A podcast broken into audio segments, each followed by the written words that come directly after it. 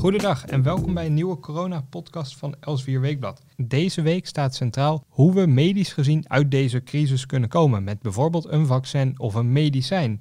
Mijn naam is Victor Pak en natuurlijk spreek ik gezondheidsredacteur Marieke ten Katen. Welkom. Dankjewel.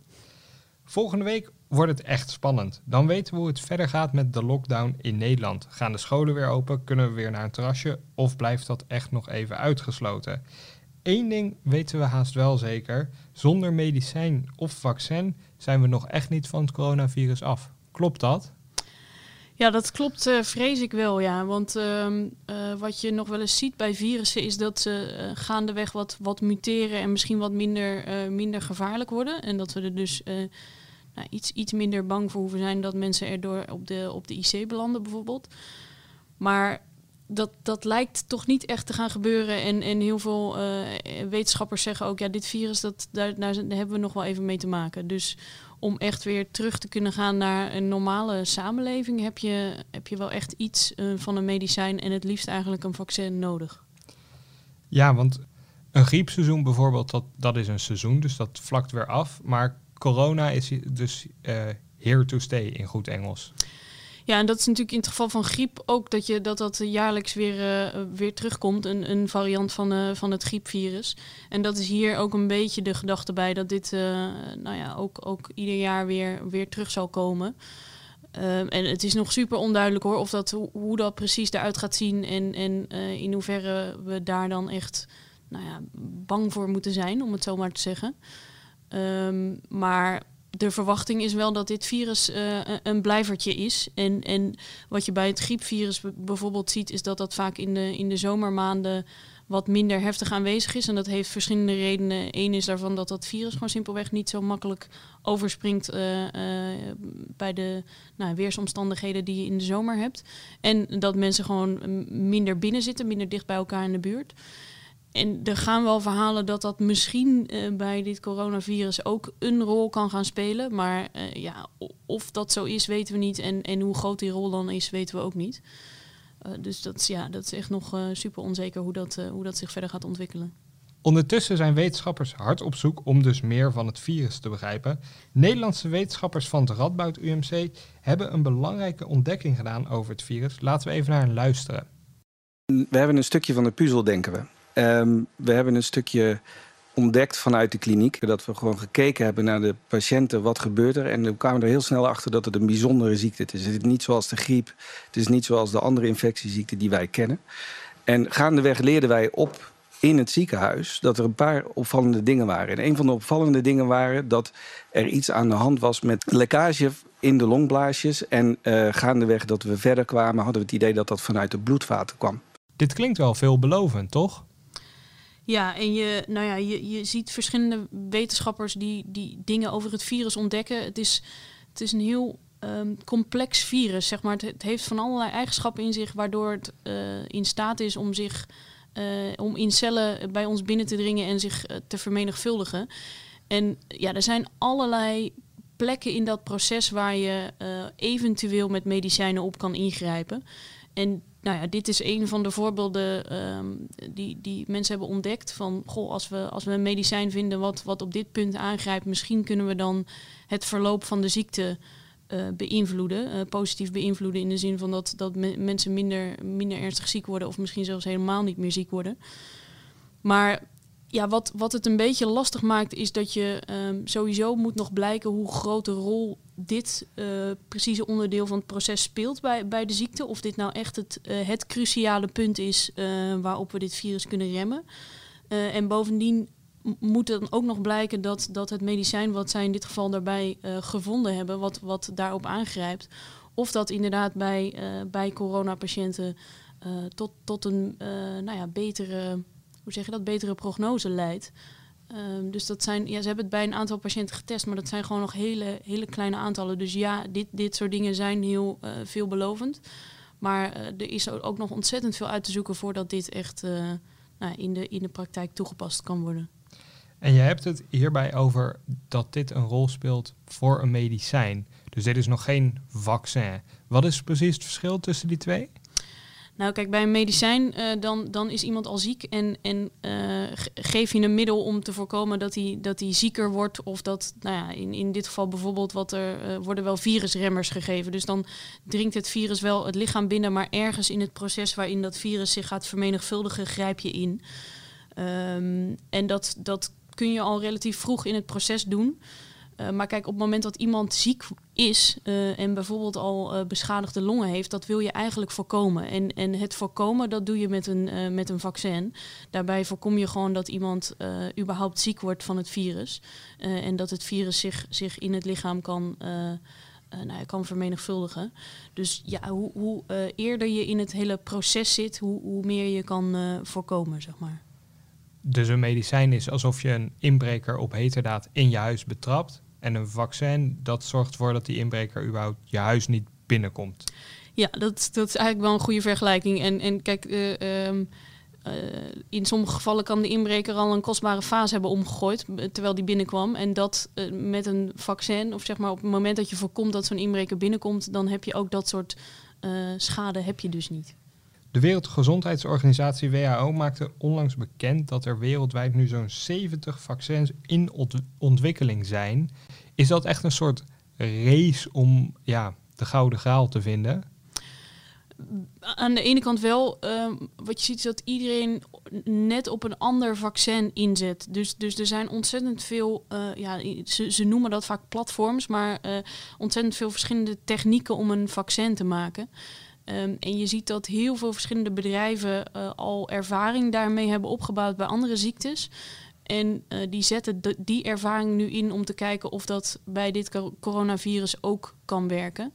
Um, dus, dus ja, de, de, het is wel een, een, natuurlijk een soort concurrentierace in de zin van ieder bedrijf wil, wil als eerste een, een vaccin op de markt hebben en, en dat ook op grote schaal beschikbaar maken. Um, maar het is niet zo dat ze allemaal precies hetzelfde aan het doen zijn. Um, dus in die zin um, nou ja, is, is het goed dat er op zoveel verschillende plekken onderzoek naar wordt gedaan, omdat dus zoveel nog onbekend is over dit virus. Dus we weten ook simpelweg niet wat voor vaccin het het beste zou doen in dit geval. En kunnen we ons dan niet beter op één vaccin richten dat echt hoopvol is? Ja, alleen het lastige is in, uh, dat je in deze fase dus nog niet kunt zeggen welk medicijn nou het meest hoopvol is. En, en ja, uh, het is sowieso ontzettend lastig om bij een vaccin aan te tonen dat het werkt. Want wat je uh, sowieso, je gaat het aan een grote groep gezonde mensen geven. Dus je moet in eerste instantie zorgen dat het enorm veilig is. Dus daar zijn vrij uitgebreide onderzoeken voor nodig. En vervolgens moet je nog aantonen dat het ook daadwerkelijk iets doet. Um, en dat is gewoon ontzettend lastig, zeker bij dit virus, omdat we gewoon niet uh, zo goed weten wat er in het lichaam gebeurt op het moment dat dit virus, zeg maar, op het moment dat iemand een virusinfectie heeft doorgemaakt en wat ons immuunsysteem nou, nou precies doet. Um, en wanneer bijvoorbeeld iemand, iemand dus immuun is. En, en met een vaccin is toch het idee dat je, dat je iemand, uh, nou ja, het liefst levenslang, maar in ieder geval voor een langere tijd uh, niet meer vatbaar maakt voor, voor zo'n virus. En om dat aan te tonen, uh, ja, zijn er een aantal verschillende opties. Maar uh, een van de opties die eigenlijk nou ja, nu het, het, meest waarschijnlijk is, of het, het meest makkelijk is, om het zo maar te zeggen, is, is gewoon mensen vaccineren en opnieuw bloot, of zeg maar, expres blootstellen aan het coronavirus. En dat is natuurlijk een. Um, dat is vanuit onderzoeksoogpunt heel goed te verklaren waarom je dat doet. Want je wil laten zien dat het vaccin werkt. Maar stel dat dat vaccin niet werkt en iemand toch ziek wordt. Uh, ja, we hebben ook geen medicijn nog. Um, dus dus je, je stelt mensen wel bloot aan een ziekte waarvan je weet dat je die nog niet goed kunt behandelen. Dus eigenlijk weten we nog te weinig over het virus en wat dat in onze longen doet om het effectief te kunnen bestrijden of te weerhouden van het binnenkomen van je longen. Ja, en kijk, um, ik heb voor, voor, deze week voor het blad een verhaal geschreven over wat we nu weten over uh, immuniteit. En, en ja, dan verdiep je je weer even in het, in het menselijk immuunsysteem. En dat is een ontzettend complex iets. Um, waarbij heel veel verschillende factoren een rol spelen. En ja, dat, dat is dat immuunsysteem is ontzettend belangrijk op het moment dat je uh, een vaccin aan iemand geeft. Want dat vaccin is bedoeld om zeg maar, het immuunsysteem van iemand zelf te triggeren.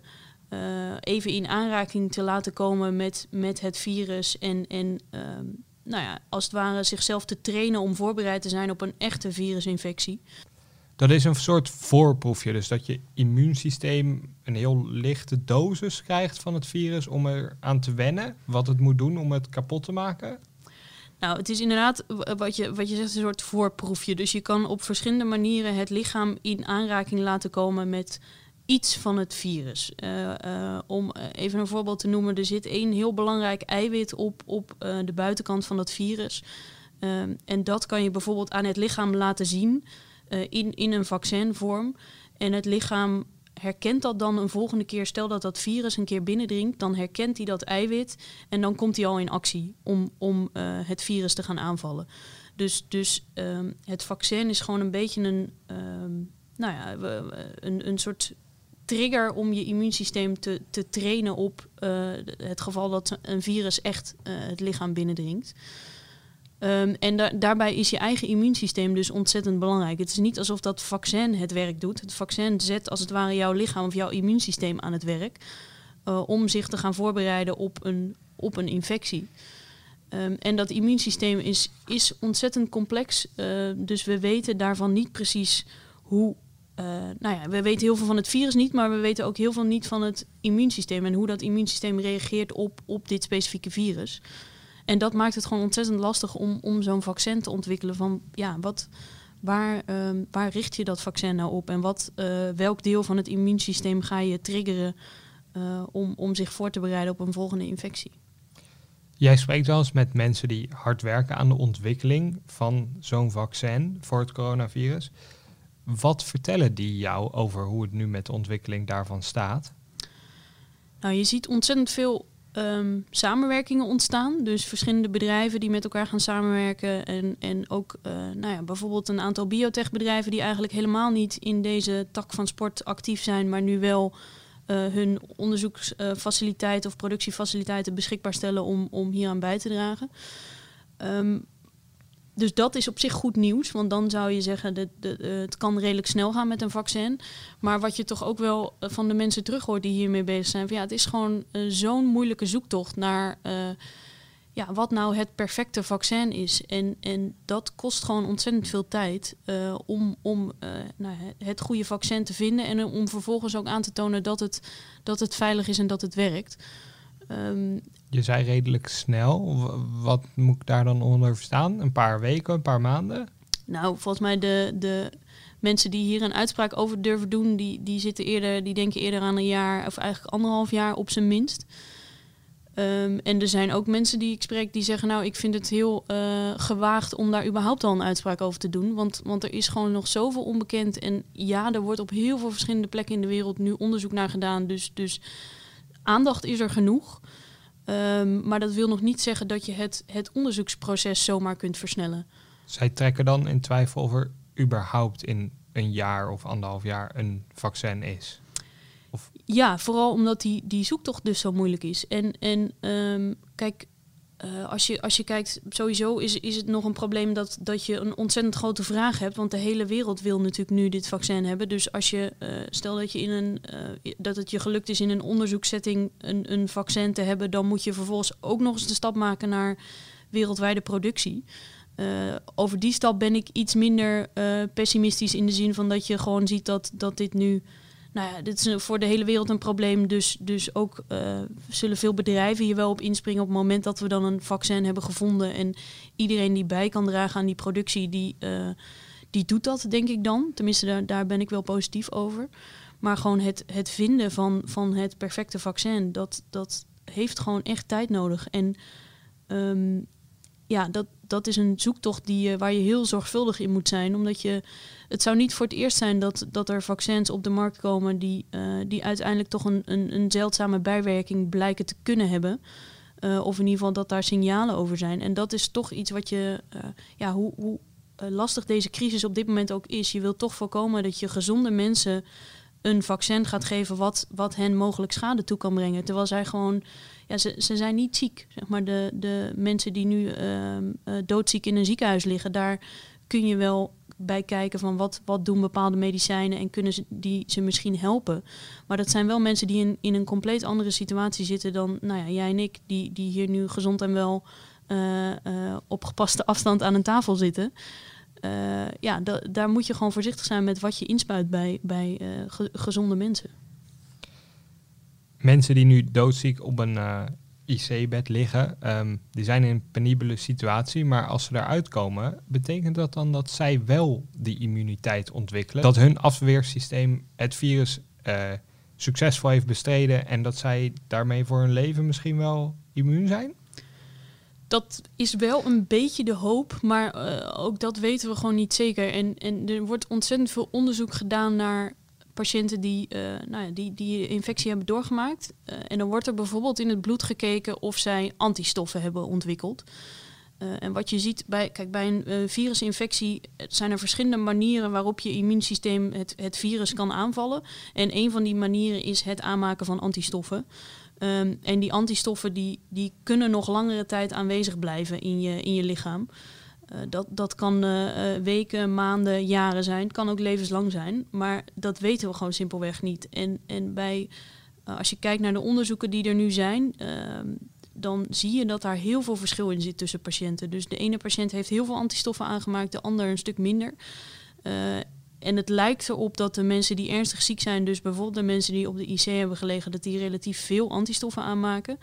en dat de mensen die milde klachten hebben, dat juist minder doen. Maar dat is, dat is interessante informatie, maar dat zegt nog niet zo heel veel over de immuniteit. Omdat je, uh, kijk, de patiënten die uh, milde klachten hebben gehad, het kan zomaar zijn dat een ander onderdeel van het immuunsysteem een veel belangrijkere rol heeft gespeeld bij hun om de, om de infectie te bestrijden. Dus um, nou ja, die antistoffen geven een, een soort eerste beeld van hoe die immuunreactie werkt. Uh, maar ze laten niet alles zien. Je lichaam moet dus op de juiste manier aangeleerd krijgen het virus te bestrijden. Ja, maar uh, het kan ook zijn, we hebben uh, zeg maar het immuunsysteem is grofweg opgedeeld in, in twee onderdelen. Dus het aangeleerde deel en het aangeboren deel. Uh, en het kan ook zomaar zo zijn dat de mensen die milde klachten hebben, of die misschien niet eens gemerkt hebben dat ze een infectie hebben gehad, dat bij hen het aangeboren immuunsysteem een belangrijkere rol speelt. Uh, en dat die al in staat is om, uh, om de infectie te bestrijden en daar die hele antistoffen bijvoorbeeld niet eens voor nodig hebben. Uh, en dat hoeft niet erg te zijn, zeg maar, want die mensen zijn er ook niet ziek van geworden. Dus, dus daar hoef je dan misschien niet druk om te maken. Maar de mensen die milde klachten krijgen, die kunnen misschien wel weer andere mensen besmetten.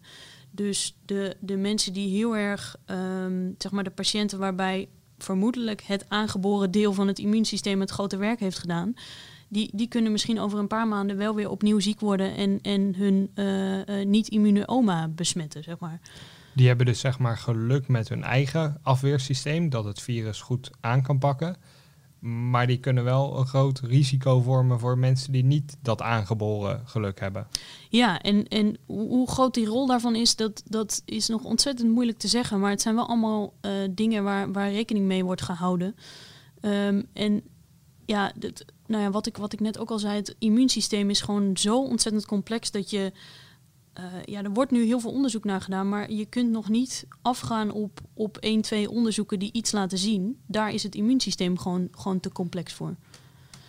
Uh, en een, een van de dingen die, die bijvoorbeeld ook uit een onderzoek naar voren kwam, is, uh, was een Chinees onderzoek waarbij bij genezen patiënten is gekeken naar nou ja, de, de antistoffen in, in hun bloed. En dat er zelfs wat signalen naar voren kwamen dat er uh, ook mensen zijn die te veel antistoffen aanmaken. Waardoor ze dus bij een volgende besmetting met het virus juist ernstiger ziek kunnen worden. Dus om nu te zeggen, iedereen die, die het al een keer heeft doorgemaakt, die kan vrij rondlopen op straat. Dat gaat gewoon echt nog te ver. Daar, daar weten we gewoon echt nog te weinig van om dat uh, met, met heel veel zekerheid te kunnen doen. Dus uiteindelijk is de enige oplossing dat vaccin. Ja, vooralsnog wel. In ieder geval, kijk, uh, we kunnen nog steeds de hoop hebben dat het virus zich wat, wat aanpast en wat minder uh, uh, gevaarlijk wordt. Maar ja, een vaccin zal, zal echt wel nodig blijven, denk ik, ja. Sommige onderzoekers zijn extreem hoopvol over de ontwikkeling daarvan. Die zeggen dat ze misschien al in september een vaccin klaar hebben liggen. Kan ik mij dan in oktober bij de huisarts melden? Nou, ik, ik help het je hopen, maar um, ja, het zijn heel veel signalen die er nu naar buiten komen over de medicijnen en de vaccins die, die getest worden, dat nou ja, nu een voorbeeld bijvoorbeeld van de Oxford Universiteit. Dat, dat is een vaccin wat nog bij mensen getest moet gaan worden. En dat laat dan heel veelbelovende resultaten zien in, in bijvoorbeeld laboratoriumonderzoek of dierproeven.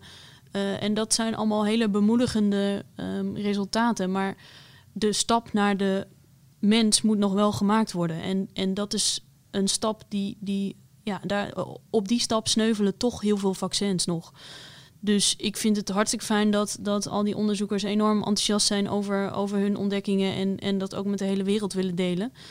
Uh, maar het lijkt mij heel optimistisch om, uh, om alvast een afspraak bij je huisarts te gaan maken voor, uh, voor oktober. Dat zal ik dan nog maar niet doen. Volgende week heb ik wel een afspraak staan en dat is een nieuwe podcast over het coronavirus. En dan staat centraal hoe het verder gaat in Nederland met de lockdown. Wilt u die aflevering vanzelf ontvangen? Vergeet u dan niet te abonneren op deze podcast. En bevallen deze podcast u nou?